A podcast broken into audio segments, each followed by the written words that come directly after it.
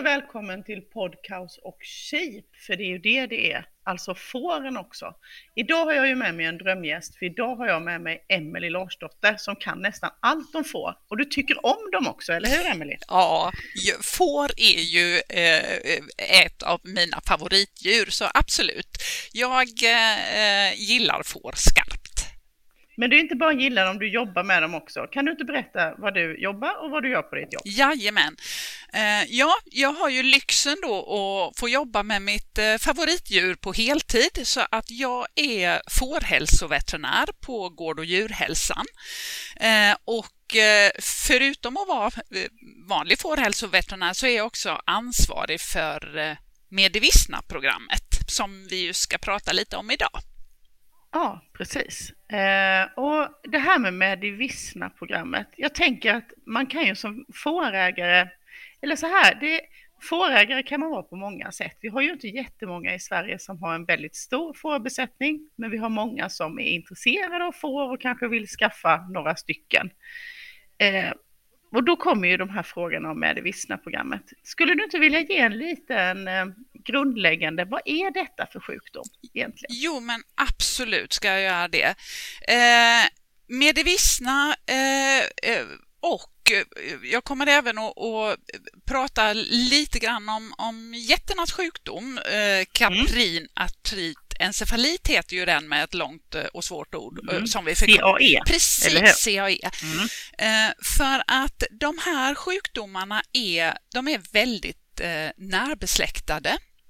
Mm. Och båda sjukdomarna kan då infektera båda eh, djurslagen. Det är olika virus, men får kan drabbas av CAE och get kan drabbas av MV.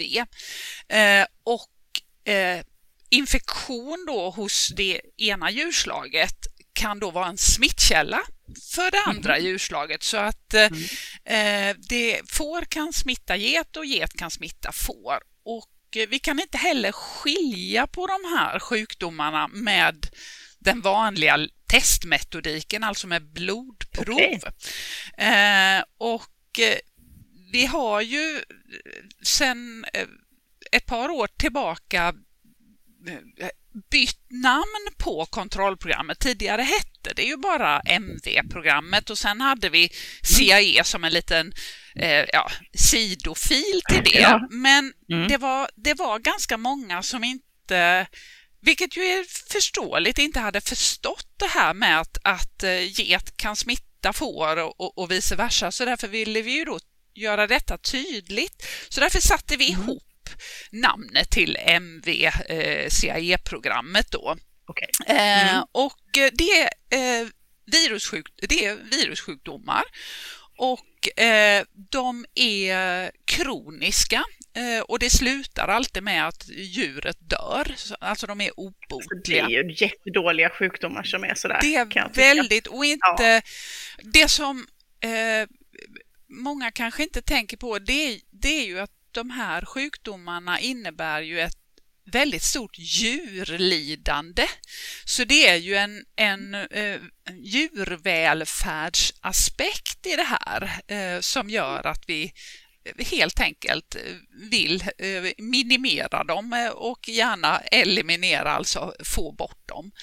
Eh, Eh, det är också så att det, det, finns inget botemedel och det finns inte heller möjlighet att göra något vaccin. Så att... Det är ju ännu sämre, alltså så dåliga sjukdomar ja. kan man verkligen säga. Mm.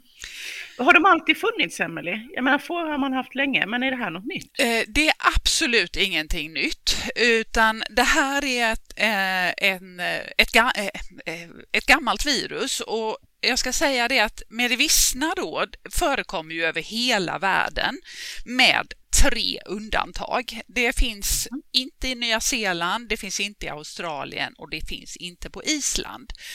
Eh, alltså detta är ställen som jag tänker inte gärna vill ha det heller. Det tror jag inte. De det man kan berätta om Island, det var faktiskt så att de fick ju in den här sjukdomen eh, mm. med en import eh, någon gång på 1930-talet.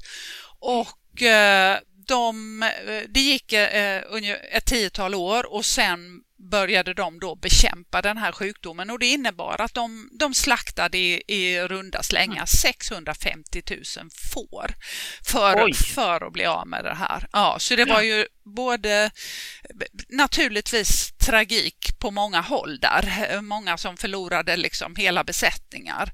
Och sen eh, lyckades de då så att från och med 1965 så har Island varit fritt från sjukdomen. Och för Sveriges del så upptäckte vi eh, det första fallet eh, det var på slakteriet i Kalmar 1974. Då upptäckte vi det första MV-fallet i Sverige. Och sen mm. eh, så gjorde man ungefär 15 år senare så gjorde man en undersökning på, på sex stora svenska slakterier och eh, för att, för att, man ville ta reda på hur, hur vanligt det är med det vissna i Sverige och då fick man fram att eh, man hade en ungefärlig eh, procentsats på 8,2, alltså att 8,2 procent av Sveriges besättningar bar på smittan. Mm. Eh, och det här var ju då 89. Sen, sen in, införde man ju det här eh, MV-programmet då 1993, så det är ju ett gammalt kontrollprogram som har rullat på länge. Eh, just för att och, eh, bekämpa eh, mm. med det vissna så långt det går. Eh, ja, men så då har ju det här programmet varit igång ett tag. Men vi har fortfarande djur som blir sjuka i Medivissna och CAE, är det inte så? Jo, det stämmer. Vi, eh, vi hittar ju eh, inom kontrollprogrammet eh, som regel eh, en eller ett par smittade besättningar årligen. Och det kan ju vara renodlade getbesättningar, renodlade fårbesättningar eller eh, besättningar som ja. har båda djurslagen. Men det gör, eh, det gör vi, så att det är inte, det är inte så att eh, det här kontrollprogrammet har, har liksom helt eh, eliminerat Nej. sjukdomarna. Det, det, och man räknar det, för, för, att kunna uttala sig om hur vanliga är sjukdomarna så måste man ju det baseras ju egentligen på eh, statistiska mm. beräkningar och att man tar tillräckligt många prover och i tillräckligt många besättningar. Mm. Men vi har en, vi höftar att vi har en, en förekomst när det gäller medivissna någonstans eh, 1 till 2 procent mm. av de icke testade besättningarna. Ja.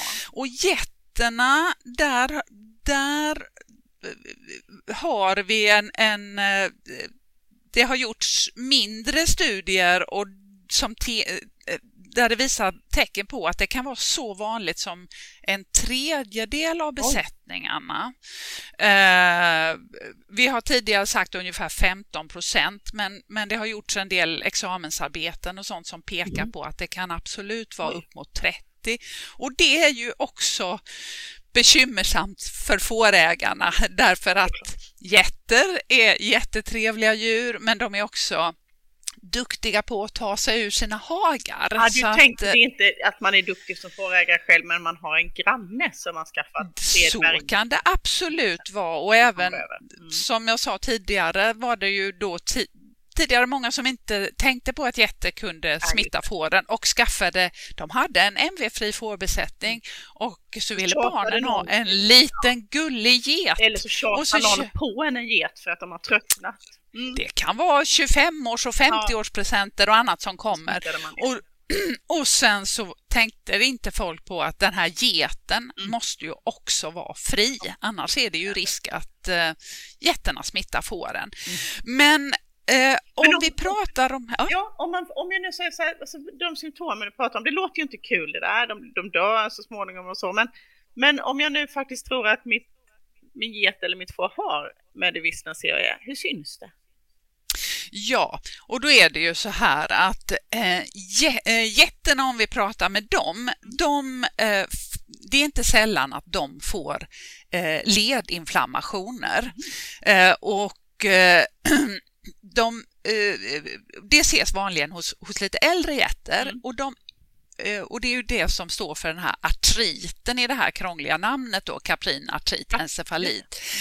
de lite yngre getterna eh, får ofta en, så att säga, det vi kallar neurologiska störningar som kan yttra sig då som vinglighet och förlamning. Alltså det blir en påverkan på hjärnan och sen blir de vingliga och förlamade. Det är det här som är encefaliten i namnet. Mm. Eh, men sen kan de, även getter kan drabbas av lunginflammationer och avmagringar.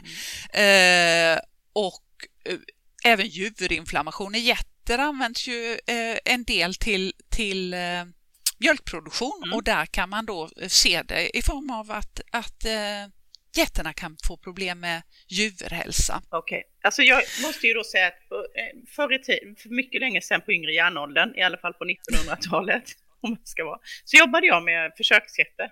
Och då, vet, ja. då höll vi ju på att eh, försöka bli av med CAE. Det var ju lite krångligt ja. det där, men man skulle ha in en bock och de var ju i försök för att vara så att säga lakterande. Ja. Eh, då vet jag att vid något tillfälle när man pratade om CAE så uttryckte någon det som att det var som en jätternas aids. Och då får vi ju komma ihåg mm. i vilken tidsperspektiv det var när man inte visste ja. så mycket om hiv och aids.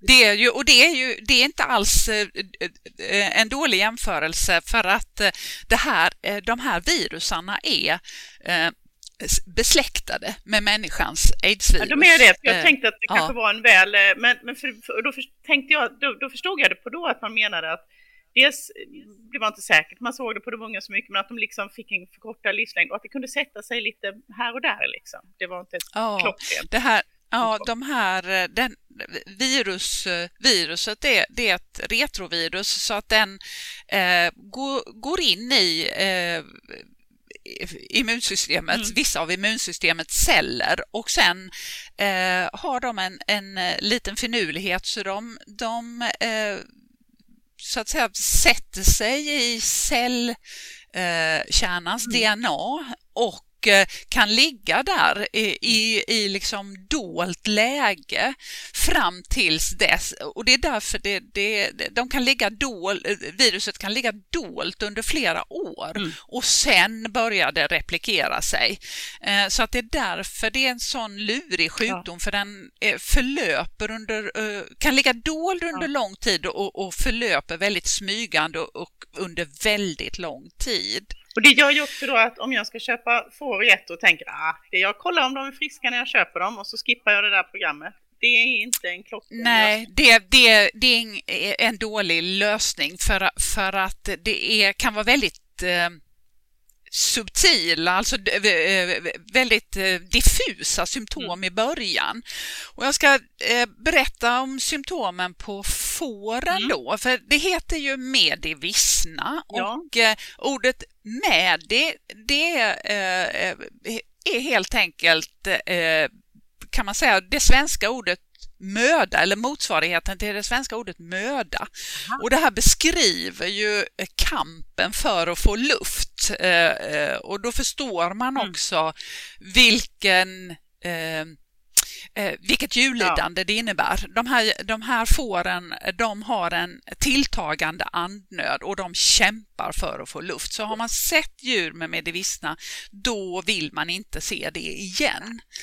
Och sen Visna, det är ju motsvarigheten till det svenska ordet vissna. Alltså någonting vissnar och det, det beskriver nej. Eh, nej, det beskriver ju den här, av, ja, den här avmagringen som, som har sin grund i att det blir en, en inflammation i, i hjärnan mm. som, eh, som gör att djuren tynar bort. Mm.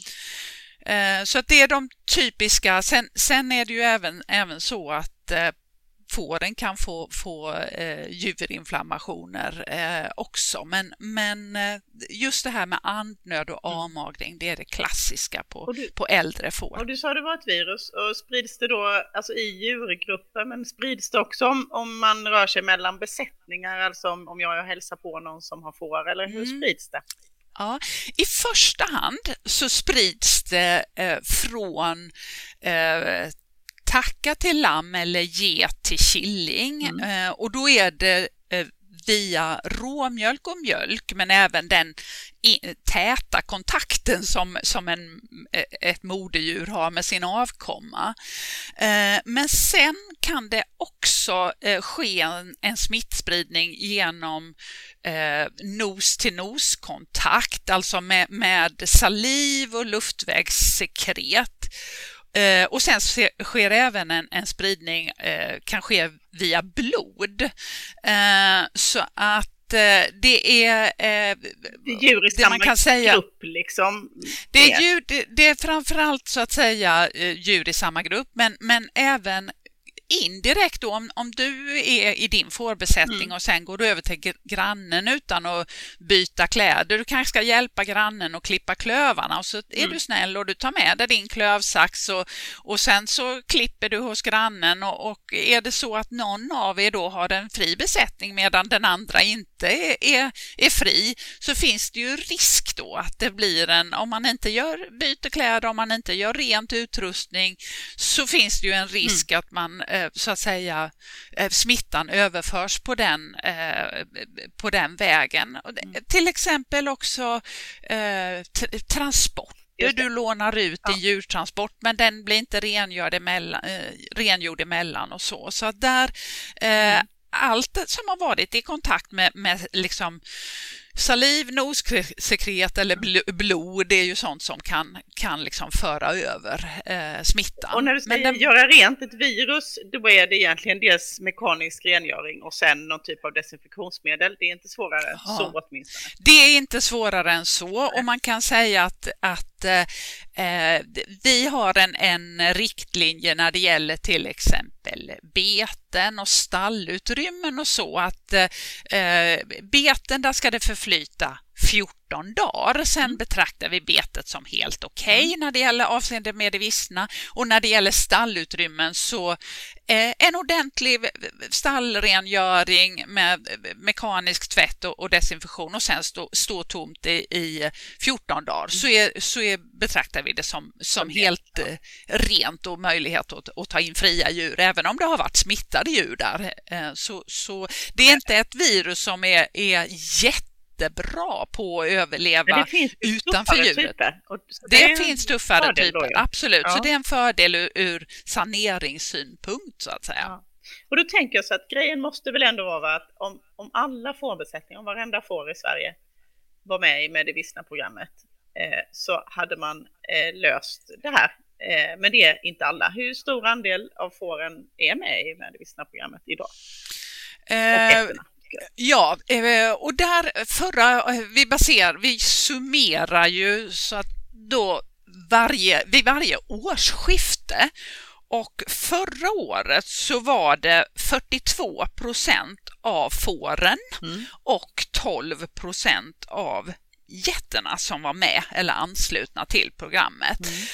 Och eh, det här är ju, det har legat ungefär på de här siffrorna väldigt länge.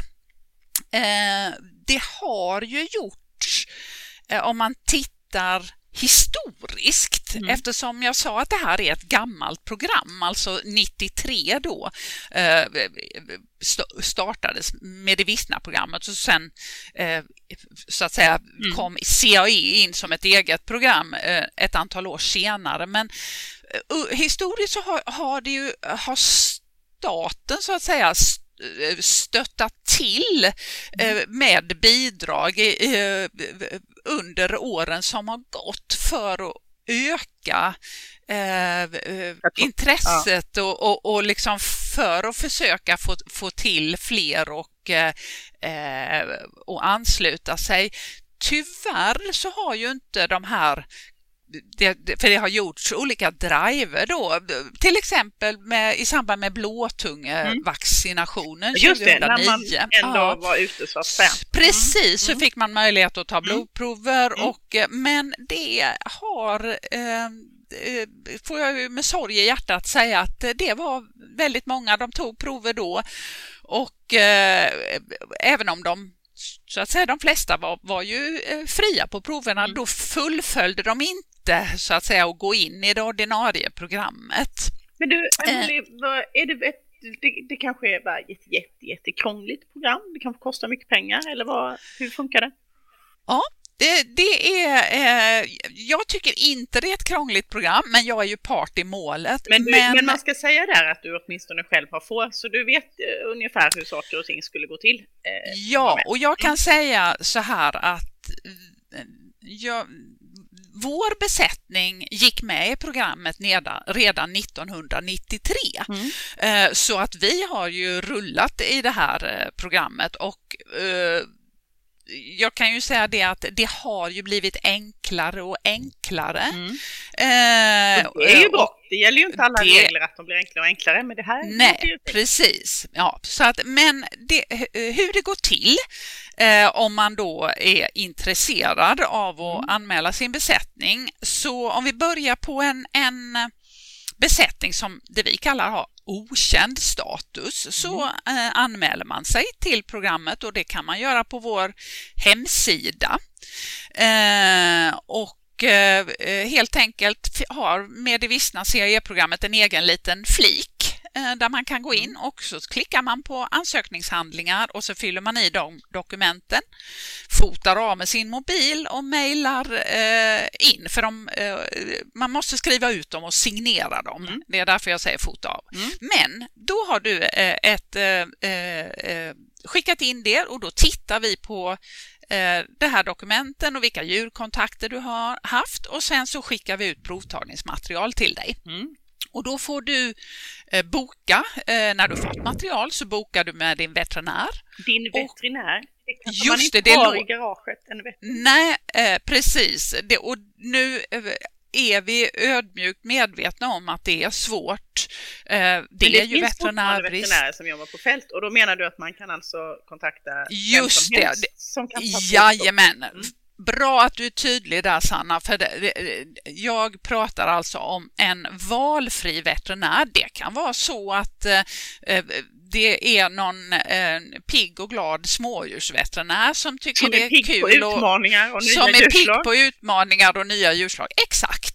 Eh, så att det är en, en, eh, en, så att en, säga, en, en vettagande veterinär. Mm. Ja, välj själv och eh, det här är ju inte något akut. Nej, just det. Man behöver inte göra det samma dag på något sätt, Nej. utan det här går att anpassa. Mm. Utan det här går att anpassa när man själv kan och veterinären kan. Och så kommer veterinären ut och tar eh, blodprover och gör en, en hälsokontroll och en identitetskontroll på djuren. Mm. Och då är det alla djur över ett år som blodprov som tas i denna omgången. Alltså man inte tänker att de har utvecklat det till, eller varför väljer man att bara ta på djur som är över ett år? Eh, man räknar med att det är större san de yngre djuren eh, är mindre sannolikhet att de har utvecklat antikroppar. Och då tar den här veterinären blodprov? Ja, och eh, eh, de här proverna skickas in till SVA där de analyseras och sen så får vi tillbaka svaret. Och jag ska säga det att det tar ett par veckor eh, så att man kan inte räkna med att man har svaret med vändande post. För SVA kör de här eh, ungefär en gång i veckan eh, så att eh, eh och ibland behöver de köra om prover av olika skäl och så. så att det, och sen ska det tillbaks och vi ska hinna titta på det. Så ett, ett antal veckor tar det. Och sen får du då, eh, förutsatt att alla prover är okej okay, och alla kontakter har varit okej okay och så, så får du din status och då blir du M1C1. Mm. Och sen så har du den statusen i ett år.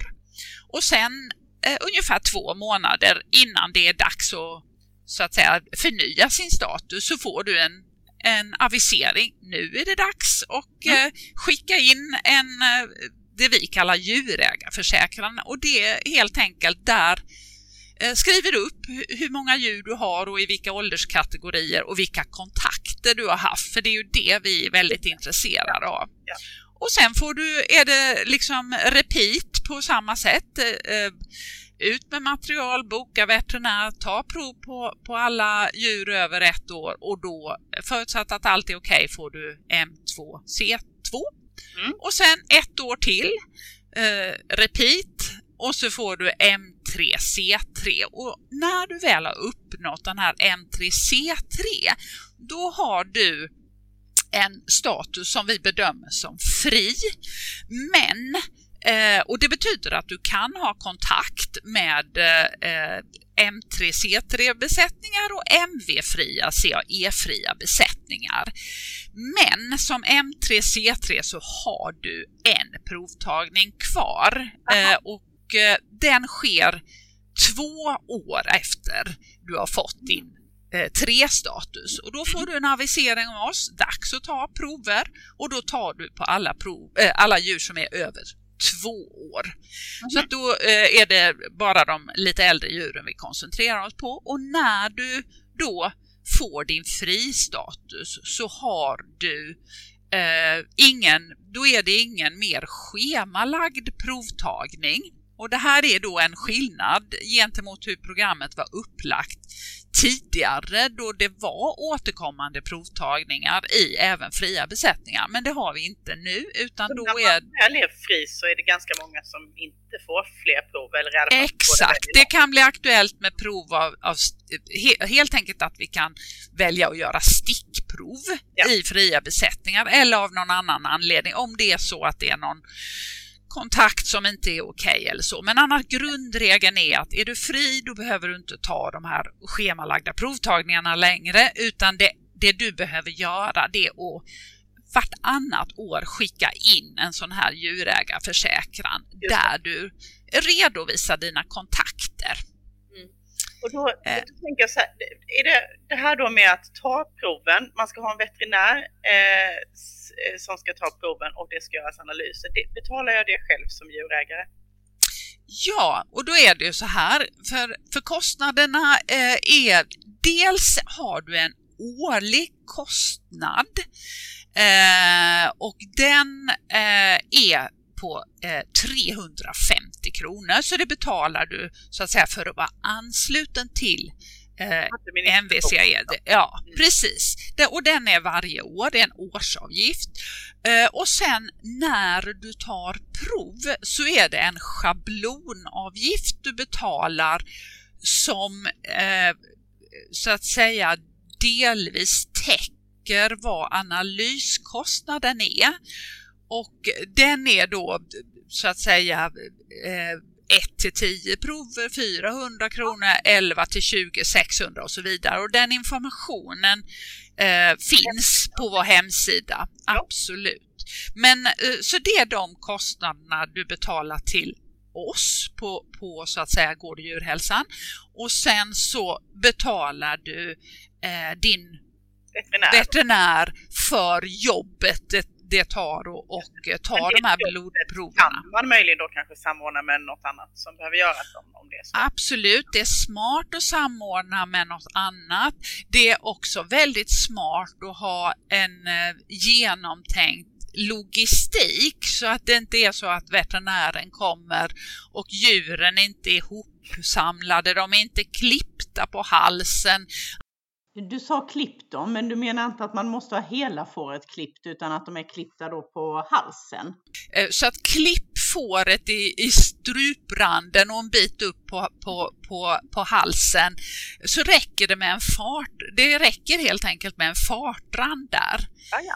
Eh, och klipp gärna på båda sidorna. Det, som veterinär har man gärna en, en favoritsida. men man, det är inte så att man, man kan absolut, men det, och det kan ju vara så att man står, det, det, logistiken är så i stallet så du står på, på liksom vanligen på en sida där och, och då är det bra om fåren, om det inte visar sig, oj då, jag klippte bara på, på andra sidan så får veterinären hoppa fram och tillbaks. Så det är bra att klippa dem innan. Och om man då ska se på varför man ska vara med i programmet, då är det ju både då för att skydda sina egna får, men också att eh, ja, bidra till att den här sjukdomen eh, utrotas eller försvinner helt enkelt. Absolut, jag, jag kan tycka att, att eh, det är ju ett, ett kollektivt eh, intresse för får-Sverige och, och, försöka bli av med den här. Och, och, jag ska säga det är ett av programmets delmål, det är ju också att så att säga eh, försöka få en, en så säker eh, livdjurshandel som möjligt och då vill vi ju att eh, han, handel eller förflyttning av djur, det ska vara MV-fria djur eller CAE-fria då, om det är jätte vi pratar om. Du, du pratade där med när man, att man ska tala om vad man har haft för kontakt och då är det ju alltså så att om man är MV-fri då, då ska man köpa från MV-fria besättningar annars? MV-fria eller eh, är det då tillåtet även att ha kontakt med M3C3-besättningar? Liksom. Ja, mm. Så att eh, grundregeln är du får ha kontakter med besättningar som har samma status som du eller högre. Och det är ju alltid det säkraste är ju eh, eh, alltid att ha, eh, eh, så att säga, om, om du köper bagge till exempel, alltid att köpa från en MV CAE-fri besättning. Det är ju, för de har ju gjort alla provtagningarna som man ska. Det näst bästa är ju en M3C3 besättning, mm. men, men eh, absolut. Om man då är ny fårägare, man kanske, eller man kanske inte ens har skaffat får ännu, man kanske tänker att det här verkar kul, jag ska skaffa lite får. Då mm. tänker jag att då är det ju väldigt mycket enklare att skaffa djur som redan är MV-fria än att så att säga gå in i programmet och, och köra den svängen. Absolut, det, det är en, en, väldigt smart strategi därför då eh, kan du dessutom göra så att du köper då MV-fria djur. Eh, du vill gå med i Medivistna eh, CE-programmet, du anmäler dig och det betyder att har du bara köpt från eh, besättningar som är fria eller för den delen har M3-status så kan du helt enkelt få något som vi kallar ärvd status. Och den är då giltig nyttig.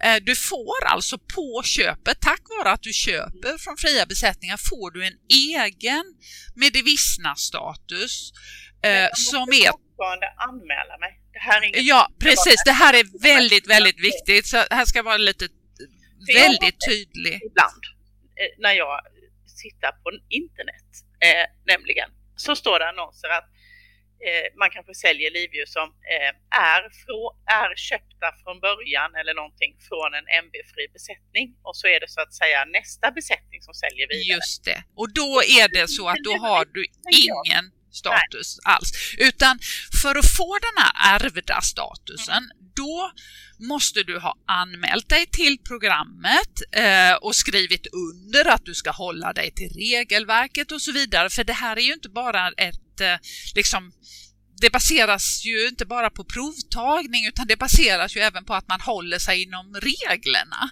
Eh, så att du måste liksom ha själv gått med och eh, anslutit dig i programmet och fått en tilldelad status och den, den är då eh, M3E eller C3E och den är giltig två år från det första inköpet av djur. Eh, och sen så, eh, så behöver du ta, eh, när det har gått två år, eh, statusen löper ut eh, efter två år förutsatt att du har anmält dig då och är med och då behöver du ta prov. Och då är det alla djur över två år som du tar prov på. Okay. Och då får du en egen M3 eh, eller C3-status. Då har vi ingen Ä-status utan då är den på M3C3. Då är den på riktigt så att säga. På riktigt, du har liksom verifierat att du har en egen och sen efter två år till så tar du prov på djur över två år och då blir du MVCE-fri. Och då, då är du uppe i, i fristatus och kan eh, rulla på djurägarförsäkran helt enkelt. Ja. Så när man köper får, då ska det, och hur vet man då att man köper från en MV-fri eller ändå en besättning som är OK? Då har man ja. ett certifikat, det ska man kräva och se. Ja, eh, det, för det här är ju också så att eh, statusar kan ju bli indragna. Mm. Eh, därför att det, det, är dynamik i det här och det kan, kan eh, hända saker och ting. Eh, och det lättaste det är faktiskt att man går in på eh, MV-programmets hemsida och där finns en liten funktion som heter statuskontrollen. Det är inte så bra. Det, den är väldigt, väldigt bra. För då har du bestämt att du vill köpa från en besättning eh, eller, eh, och du, du, det du behöver veta det är SE-numret eh, och då knappar du in SE-numret på eh, den här eh, och gör en sökning. Och då får du reda på om den här besättningen har en giltig M3C3 eller MVCE-fri status. Okej, okay, så man skulle kunna säga så att om man inte har köpt får så är det en god idé att köpa från fria besättningar och det kan man kolla upp. Men om man har en besättning redan eh, som då inte är fri eh, och det inte är en så stor besättning, eh, är ändå kostnaderna anpassade till mindre besättningar? Sådär. Ja, det, det, man kan säga årsavgiften är ju samma oavsett om du har 2000 tacker eller två tacker. Eh, men 350 kronor med eh, förlov sagt så tycker jag att det är en ganska modest eh, mm. avgift. Men eh, sen är det ju så att eh, det blir ju alltid förhållandevis dyrare för en liten besättning. För man kan säga så här att veteren, om vi pratar veterinärkostnader och så, så går det ju naturligtvis fortare att ta tio får än 200 får, så där blir det ju en, men det är klart att resan och det är ju så att det måste man ju vara ödmjuk och införstådd med att ja, det är en kostnad och den blir något högre för att utkörningen är ju som den är oavsett storlek på besättning. Men du tycker fortfarande att det är värt det? Man ska gå med? Både jag del och andras? Ja, och därför att du, vi som har får, vi vet ju hur roligt det är också. Och eh, det är roligt med, med avelsarbete och sen så känner man att jo men det skulle ju vara trevligt att sälja lite livdjur och grannen frågar det här och, och eh, så är man gärna inne i det där att, för först kanske man bara har tänkt att djuren, jag bara föder upp till husbehov eller till, ja. till slakt och då, då men, men så blir det gärna det att ja, men det är kul och det är roligt med, med att jobba mot, mot eh, att få mm. bättre får och då eh, tycker jag att eh, då är det ju bättre då är det ju bättre att gå med från början. Det allra bästa är att köpa fria, men om du inte är fri så börja då provta när du har tio får, för det blir ändå, kan man säga att står du där sen med, med 80 får så blir det ju ändå en, en högre kostnad om man ser på den rena utgiften än om du tog när det var 10 får. Och då är det väl viktigt också att poängtera att det här handlar ju inte bara om produktion och en produktionsbegränsande sjukdom utan välfärd för fåren och eh, att få ha friska och sunda får. Och det vill man ju även om man har en liten besättning såklart. Ja, det viktigaste är ju, eh, är ju djurvälfärden eh, och veta att, att den är att man, att man helt enkelt har friska får. Sen är det också väldigt, väldigt bra att veta att djuren är friska om det är så att fåren får för sig och forcera lite staket. Ja, just det. Mm. Det. Eh, för det bli, kan ju bli... Nu, när de gör egna utflykter. När de gör egna utflykter, som hur bra staket man än har, så vet man att eh, mm. det kan mycket väl hända att fåren hittar något sätt att bryta sig ut. Och då, eh, säg att du har en, en eh, en besättning som inte är ansluten till programmet och sen så har du en granne några kilometer bort och där har ditt bagglam då knatat iväg och kollat in brudarna när det börjar bli på höstkanten och då är det ju så att där kan det ju bli väldigt olyckligt då att eh, din, din bagge har varit inne hos grannens fria tacker. Ja. Eh, det, det, kan ju bli en kostnad kostsam historia för du kan ju bli ersättningsskyldig. Uh, så att jag tycker absolut det, det finns... Smart att vara med. Ja. Det är smart att vara med. Och enklare att samarbeta lantbrukare, fårägare, getägare emellan, tänker jag. Jag skulle ju aldrig låna ut min djurvagn, eller det kan man ju inte, till någon som inte är med i programmet till exempel. Eh, sen kan vi ha en alldeles egen podd om det här med att låna ut baggar eh, till varandra men eh, Eh, även det blir ju omöjligt om man har olika status i MBCAE-programmet. Det gör det, det gör det absolut, för du, du får bara ha kontakt med eh, så att säga likvärdig status eller högre. Och högre status det, det, det, är ju inte så att en besättning med högre status kan låna ut sin bagge till dig för den, sen kan inte den baggen gå tillbaks ja, för, för, då, för då är den har man väl haft en kontakt med en besätt, eh, ett djur som har en, en lägre status, då får din besättning Samma. Eh, den lägre statusen. Ja.